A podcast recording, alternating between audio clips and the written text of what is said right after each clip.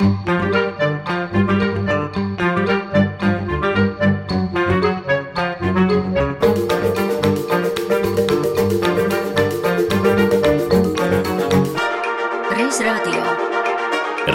radio ar šodienas skatu pagātnē.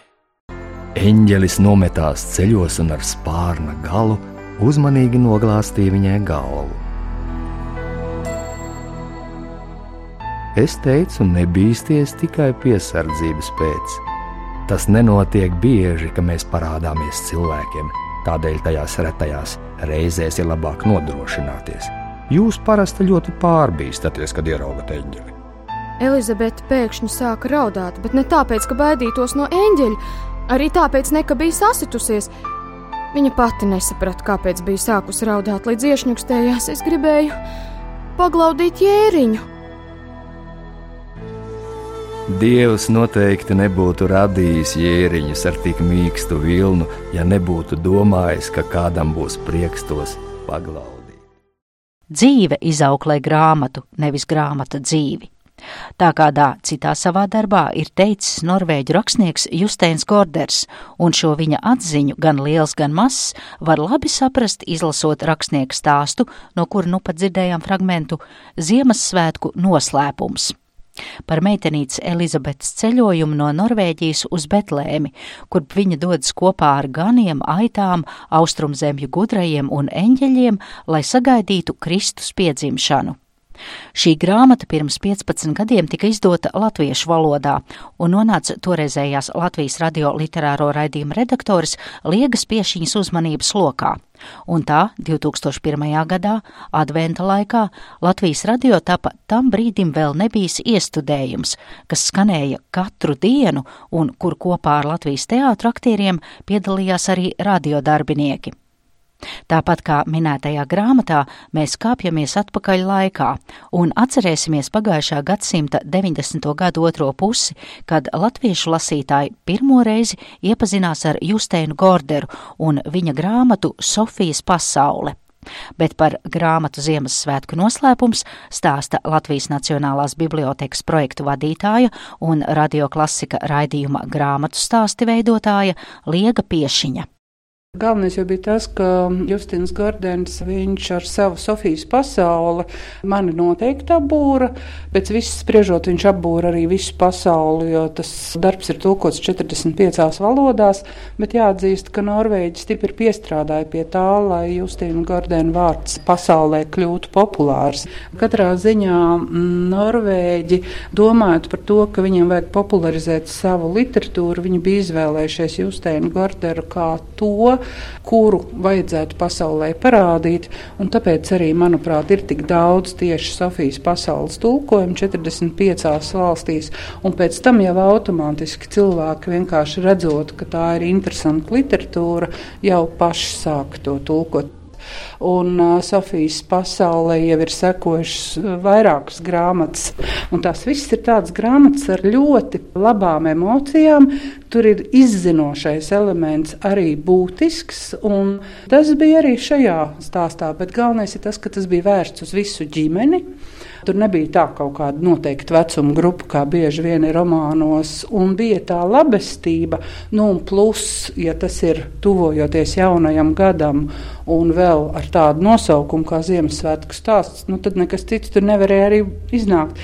Un piedāvājām šobrīd, jau 2015. un 2016. gadā, tā jau ir tāda aprobēta lieta, ka lasa pa gabaliņam viens kolektīvs, un tad nu vēl visu kaut ko citu mēs darām kopā. Cits lasa, cits ēd, cits vāra zupu, bet tajā brīdī vēl tā nebija tāda ierasta lieta.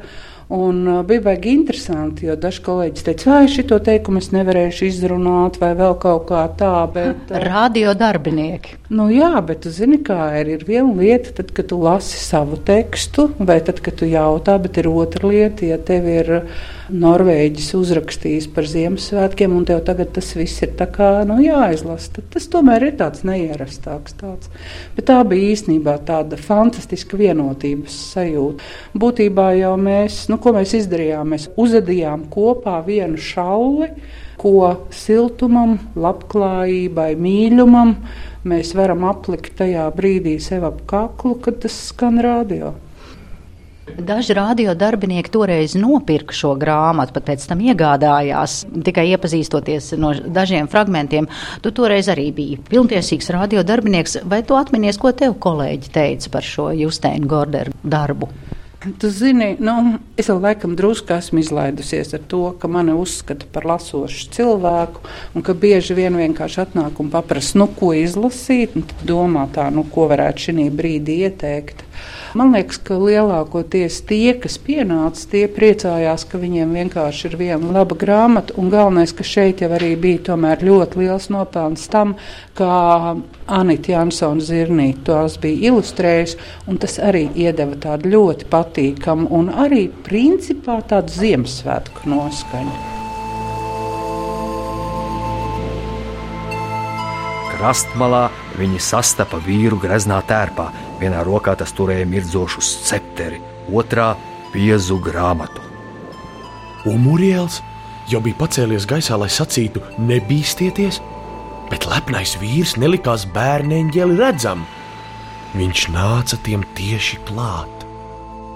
Es esmu imperators Augusts un palīdzēšu jums tikt pāri Bosforam. Es pavēlu jums pieņemt šo žestu bez nepatīkamiem protestiem. Viņš parādīja kādu laivu ar vairākām burām. Aitas jau bija sākušas lēkt uz klāja. Tad tu esi viens no mums, Efriels sacīja. Es nezināju, ka imperators Augusts ir bijis kristietis. Vecais romiešu imperators jau daudzus simtus gadus Ziemassvētku evaņģēlijā ir kā bezmaksas pasažieris. Dieva valstība ir atvērta visiem, arī tiem, kuri ceļo bez biļetes.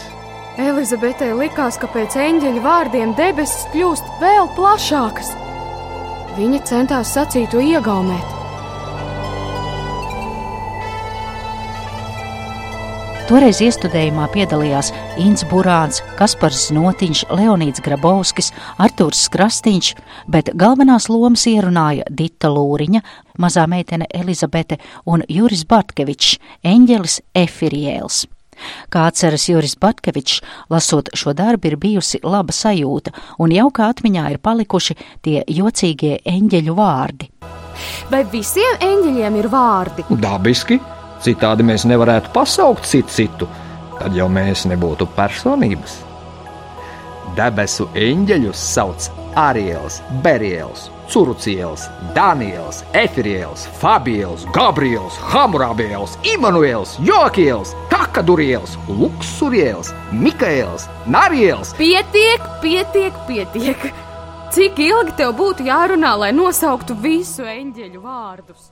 Pie iestudējuma strādāja vesela radiorežisora komanda - Antonija Apele, Imants Krastīņš un galvenā režisora darbā ar aktieriem bija Irēna Cērmani, bet darbu producēja Diāna Bērza. Diānas atmiņas ir ne tikai par Ziemassvētku noslēpumu, bet arī par radioteātra darbību pirms 14 un 15 gadiem. Man liekas, ka tā bija tāda brīnumaina apstākļu kopsakritība. Tādēļ, ka tas bija periods, kad Latvijas radioteātris tā kā kuņojās ārā no bērnu kultūra izglītojošās, literārās un visas šīs redakcijas, mēs tā kā izkuņojāmies ārā paši ar savu budžetu. Tas toreiz bija ļoti aktuāli un ļoti pa visām varītēm vajadzēja izdarīt uzreiz kaut ko milzīgu, skaistu, atmiņā paliekošu. Un tad pēkšņi vienā dienā atnāk liega, parāda man šo Justēnu Gordaru grāmatu, saka, ko vajadzētu ar to grāmatu izdarīt. Es apskatījos, viņi izstāstīja ideju, kas tur ir tajā grāmatā. Tā absolūti man pārņēma un nav atlaidusi līdz šai baltai dienai. Es uzskatu, ka tā doma ir ģeniāla, ka no 2000. gada Norvēģijā atpakaļ laikā un telpā cauri visai Eiropai, cauri visai pasaulē no, no Norvēģijas uz Bētlēmi dodas maza meitenīte Elizabete kur ir bijusi lielveikalā un no kura ir izskrējis mazs jēriņš un vienkārši skrien atpakaļ laikā un telpā uz Bētlem pie Jēzus bērniņu uz viņa piedzimšanas brīdi. Un Elizabete viņam seko un kā tas viss pasaulē mainās, kā viņai pievienojas eņģeļi, kā viņa satiek trīs gudros, saprot, nu tajā visā ir kaut kas tik pasakains, kaut kas tik mīļš un arī tajā iestudējumā īsnībā metās iekšā viss radio kolektīvs, godīgi sakot, jo 24 sērijas, 24 dienas, sākot no 1. decembra līdz pat Ziemassvētku vakaram, adventa kalendārs. Tas viss bija absolūti un totāli aktuāli. Un atgriežoties pie tā formāta, es teicu, liegai tas nebūs kaut kāds mazais iestudējums, mēs to darīsim visu milzīgā formātā. Mēs uh, dabūjām raidlaiku katru dienu, jo, lai to atvērtu adventa lodziņu, tas ir jādara katru dienu. Tu nevari atvērt tikai darbdienās, vai tikai sestdienās un svētdienās, kā mums ir raidījuma formāts sadalīts. Un, uh, tad mēs izdomājām, tur tas stāsts dalās divās daļās. Viens ir tāds mūsdienu stāsts, kur mazais puika Joakims meklē pirms 1. decembra izmisis adventu kalendāru, jo viņam nav Un tad viņi nonāk šajā seno lietu veikaliņā, kur vecais pārdevējs ieraugot šo puisīti, iedod viņam ļoti, ļoti vecu adventu kalendāru. Un tajos lodziņos nav nekādas šokolādes lētās, ja tā kā mūsdienās, kur nav nekāda brīnuma. Tu zini, ka tur būs šokolādīte, bet tur ir uz maza, maza zīda papīriņa ar smalkiem burtiņiem salocīts, uzrakstīts stāstīņš. Un šajā adventu kalendārā tā tad ir šis stāstīņš par šo meiteni Elizabeti. Ja? Tas ir tāda paralēlā pasaule Joakim mūsdienu ikdienas pasaulē. Un tad mēs vienojāmies, izdomājām, ka šo mūsdienu pasauli mēs uzticam saviem radio kolēģiem, ka ir situācija, ka šī grāmata klejo pa kabinetiem, ka mēs visu viņu lasām. Jāteic gan, ka tagad uzrunātie radio kolēģi nevar dalīties košās atmiņās par darbu pie šī ieraksta, bet daļa no viņiem atceras, ka stāsts ir iepaticies un pateicoties šiem lasījumiem, radio cilvēki arī sevi ir iegādājušies šo grāmatu. Jūsu uzmanībai fragments, kur tekstus ierunāja toreizējie ziņu redakcijas cilvēki Baiba Kušķe un Aidis Tomsons. Joakims zināja, ka smalkmaizīte nav gatava, pirms tā nav pastāvējusi un pati no sevis uzpūtusies. Vispirms uz līzes, pēc tam maizes krāsnī. Viņš zināja, ka tam ir kāds sakars ar augu, jo daudzreiz bija palīdzējis vecākiem cept maizītes. Mazs būdams viņš bija domājis, ka bērniņi, kamēr tie vēl atrodas savas mammas vēdā, līdzinās šādiem maziem mīklas pikučiem. Vai visa pasaule nebija tāds maģisks zīmējums, kas pats no sevis papildinās? Jo pasaule visu laiku mainās, tā nekad nav īsti gatava. Vēl vairāk saspringa uz maģisko adventa kalendāru vērstais jaukima skatiens, kad viņš iedomājās, ja Dievs bija radījis veselu pasauli, kas visos sīkumos spēja sev papildināt, vai viņš nevarēja radīt attēlu, kas citu acu priekšā pats veidojas. Reiz radio. Un, uh, tieši tādā veidā arī visas redakcijas, viss sākot no administrācijas, mūzikas redakcija, tolaik Latvijas Rādio 3, Latvijas Rādio 2, arī 4. kanāls. Un bērni un literāti 24 dienas tā grāmata tiešām ceļoja pa rādio. Mēs lasījām, ieskaitot Zeguzīt, arī Raimons Pauls lasīja un Daila Martinsona lasīja. Un tad šis paralēlās pasaules stāsts par Elizabetu un par viņas ceļojumu kopā ar eņģeļiem un jēriņu Tas bija atsevišķi to ierakstīja aktieri. Tas tika uzticēts režisorai Irēnai Cērmanai, jo tas patiešām bija ģeniāli, ko viņi izdarīja ar aktieriem. Viņi pilnībā radīja to Bētlēmas sajūtu, jo tad, kad Inns Burāns teica, gan arī katras sērijas beigās savā intonācijā, savā fascinējoši zemajā balsī uz Bētlēmi uz Bēntlemi. Tad skrēja skudriņas caur kauliem. Es to visu atceroties, man skrien joprojām. Jozo piebungoja ar nūju pie zemes uz Betlemi, uz Betlemi. Bet kā tas bija ar, ar mums, ar radio kolēģiem? Tad, kad tu viņus uzrunāji, jo Jā. katrā lasījumā piedalījās divi vai trīs kolēģi. Manuprāt, tas bija visvienkāršākais un labākais, ko mēs tajā brīdī varējām izdomāt. Jo tas ir tik loģiski, ka pirms Ziemassvētkiem šāda grāmata klīst pa radio, jo visi to grib izlasīt. Katrs grib piedalīties. Vai mēs ļāvām viņiem izvēlēties? Es šaubos. Es pieņemu domu, es toreiz producēju šo projektu. Es pieļauju domu, ka mēs tomēr sadalījām. Un lūdzām konkrētiem cilvēkiem konkrētu lasījumu. Vai nu arī bija tā, ka mēs lūdzām redakcijai ierunāt to vai šo adventa lodziņu, un tad cilvēki paši izvēlējās, kuri to gribēs. Jo tur jau ar varu to nevar likt darīt, vai ne? Tas tāds mīlestības darbs. Kad viņš pārnāca no skolas, pie vārtiņiem stāvēja kāds svešs vīrs. Tā kā Jokims vīrieti nepazina, viņš izlikās to neredzam. Viņš atvēra vārtiņus un pēc tam aizvēra aiz sevis. Tad svešais panācās tuvāk. Vai tevi sauc Jokims? Viņš iejautājās. Jā, Jokims teica, mani tā sauc. Vīrietis pamāja ar galvu. Viņš pienāca pie vārtiņiem un pārliecās tiem pāri. Galvā viņam bija zaļa, filca, platumale. Tā jau es domāju. Viņš runāja mazliet īpatnēji, varbūt nebija norvēģis.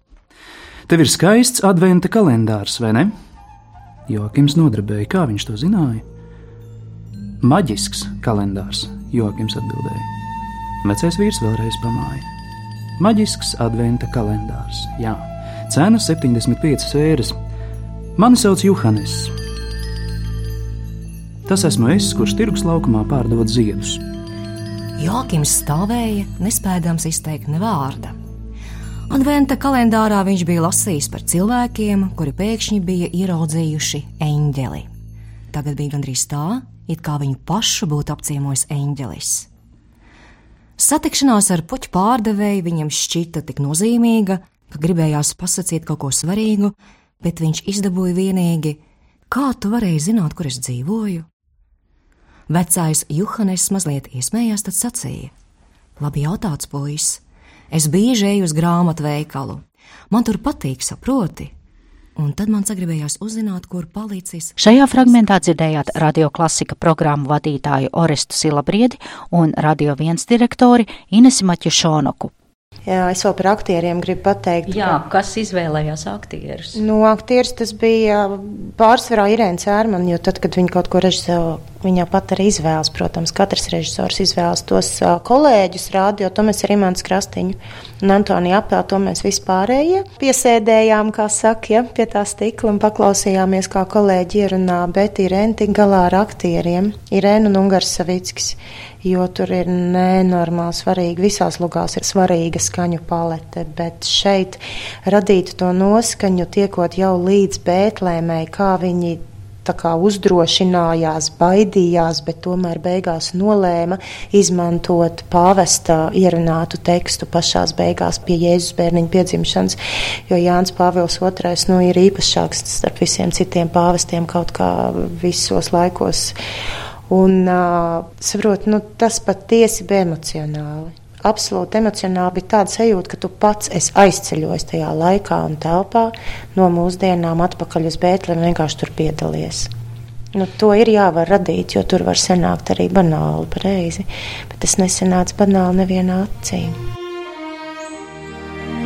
Beati voi, quando vi insulteranno, vi perseguiteranno e mentendo diranno ogni sorta di male contro di voi a causa mia.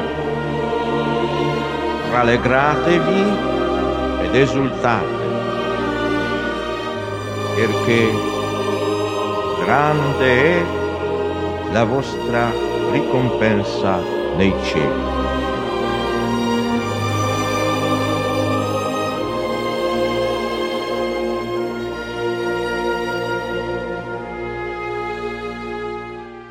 Jāpiebilst, ka minētais iestudējums saņēma balvu kā 2001. gada labākais mākslinieckais radioraidījums. Savukārt Diana Bērza septiņus gadus pēc šī iestudējuma nejauši satikās ar grāmatas autoru. Tas ir viens no skaistākajiem mirkļiem manā mūžā. Tas bija 2008. gads. Tas vēl bija laiks, kad Latvijas radioteātris. Nemeloju, mēs tajos gados, sākot no 2000. līdz 2006. regulāri vedām savus iestudējumus. Un es biju absolūti. Vedāt iestudējumus? Uz Pri-Europa, uz lielāko elektronisko mēdīju festivālu Eiropas, kur piedalās gan televīzija, gan radio, gan internets kā elektroniskais mēdījis. Un tur ir atsevišķa sadaļa radioteātru iestudējumi. Un mēs regulāri vedām savus izrādus uz turieni. Un toreiz norvēģi kolēģis Nils Heierdāls, kurš ir dēls slavenajam Turam Heierdālam, pasaules apceļotājam, bija atvedis līdzi uz Berlīnu Justēnu Gorderu. Viņš tā garām ejot, saka, Diana, tas ir Justēns. Es saku, kāds Justēns? Gorders. Viņš saka, mūsu rakstnieks. Es domāju, ka es nokritīšu, jo mēs taču bijām iestudējuši Ziemassvētku noslēpumu un saprotu, tas viss bija tik dzīvs. es teicu, lūdzu, vai es drīkstu ar viņu iepazīties tuvāk un nofotografēties. Un, un man likās, nu, ka tā ir tāda pietuvošanās tādam lielam garam. Un viņš bija tik vienkāršs kā visi lielie cilvēki un tik aizkustināts. Un es viņam stāstīju, cik ļoti ar kādu mīlestību mums ir aizgājis radio iestudējums eh, Ziemassvētku noslēpums. Viņš bija tik ļoti pārsteigts, ka Latvijā zina arī to, jo pārsvarā zina citus viņa darbus. Ja. Te ir jāmina, man šķiet, pirmā grāmata Justēna Gordera, kas tika tūkot latviešu valodā Sofijas pasauli. Jā, nu, jā, viņš jā. tā kā vairāk arī domāja, ka tā Sofija ir populāra. Viņš teica, o, jūs zinat arī pa, pa mazo Joakimu un par adventu kalendāru. Es teicu, jā, mums bija tik absolūti brīnišķīgs iestudējums. Un, nu, tā, tas viss, jā, tā, tā ļoti, ļoti emocionāls atmiņas man saistās ar šo iestudējumu. Es ļoti ceru, ka kādreiz Latvijas radio atradīsies iespēja atkal atrast ētera laiku no 1. līdz 24. decembrim, 20 minūtes katru dienu vienā laikā, lai mēs šo adventu kalendāru maģisko vēlreiz varētu atvērt kopā.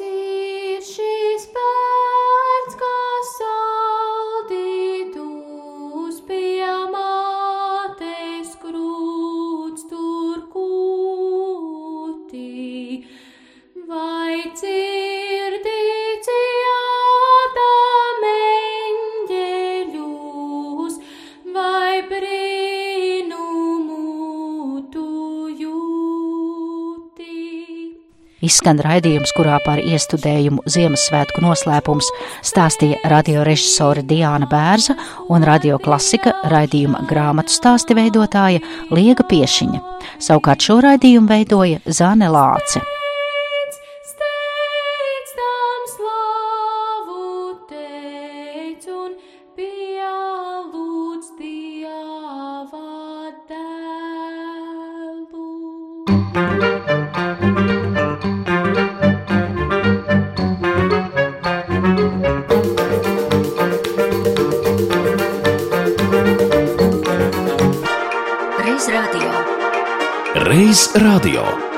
Šodienas skatu pagātnē.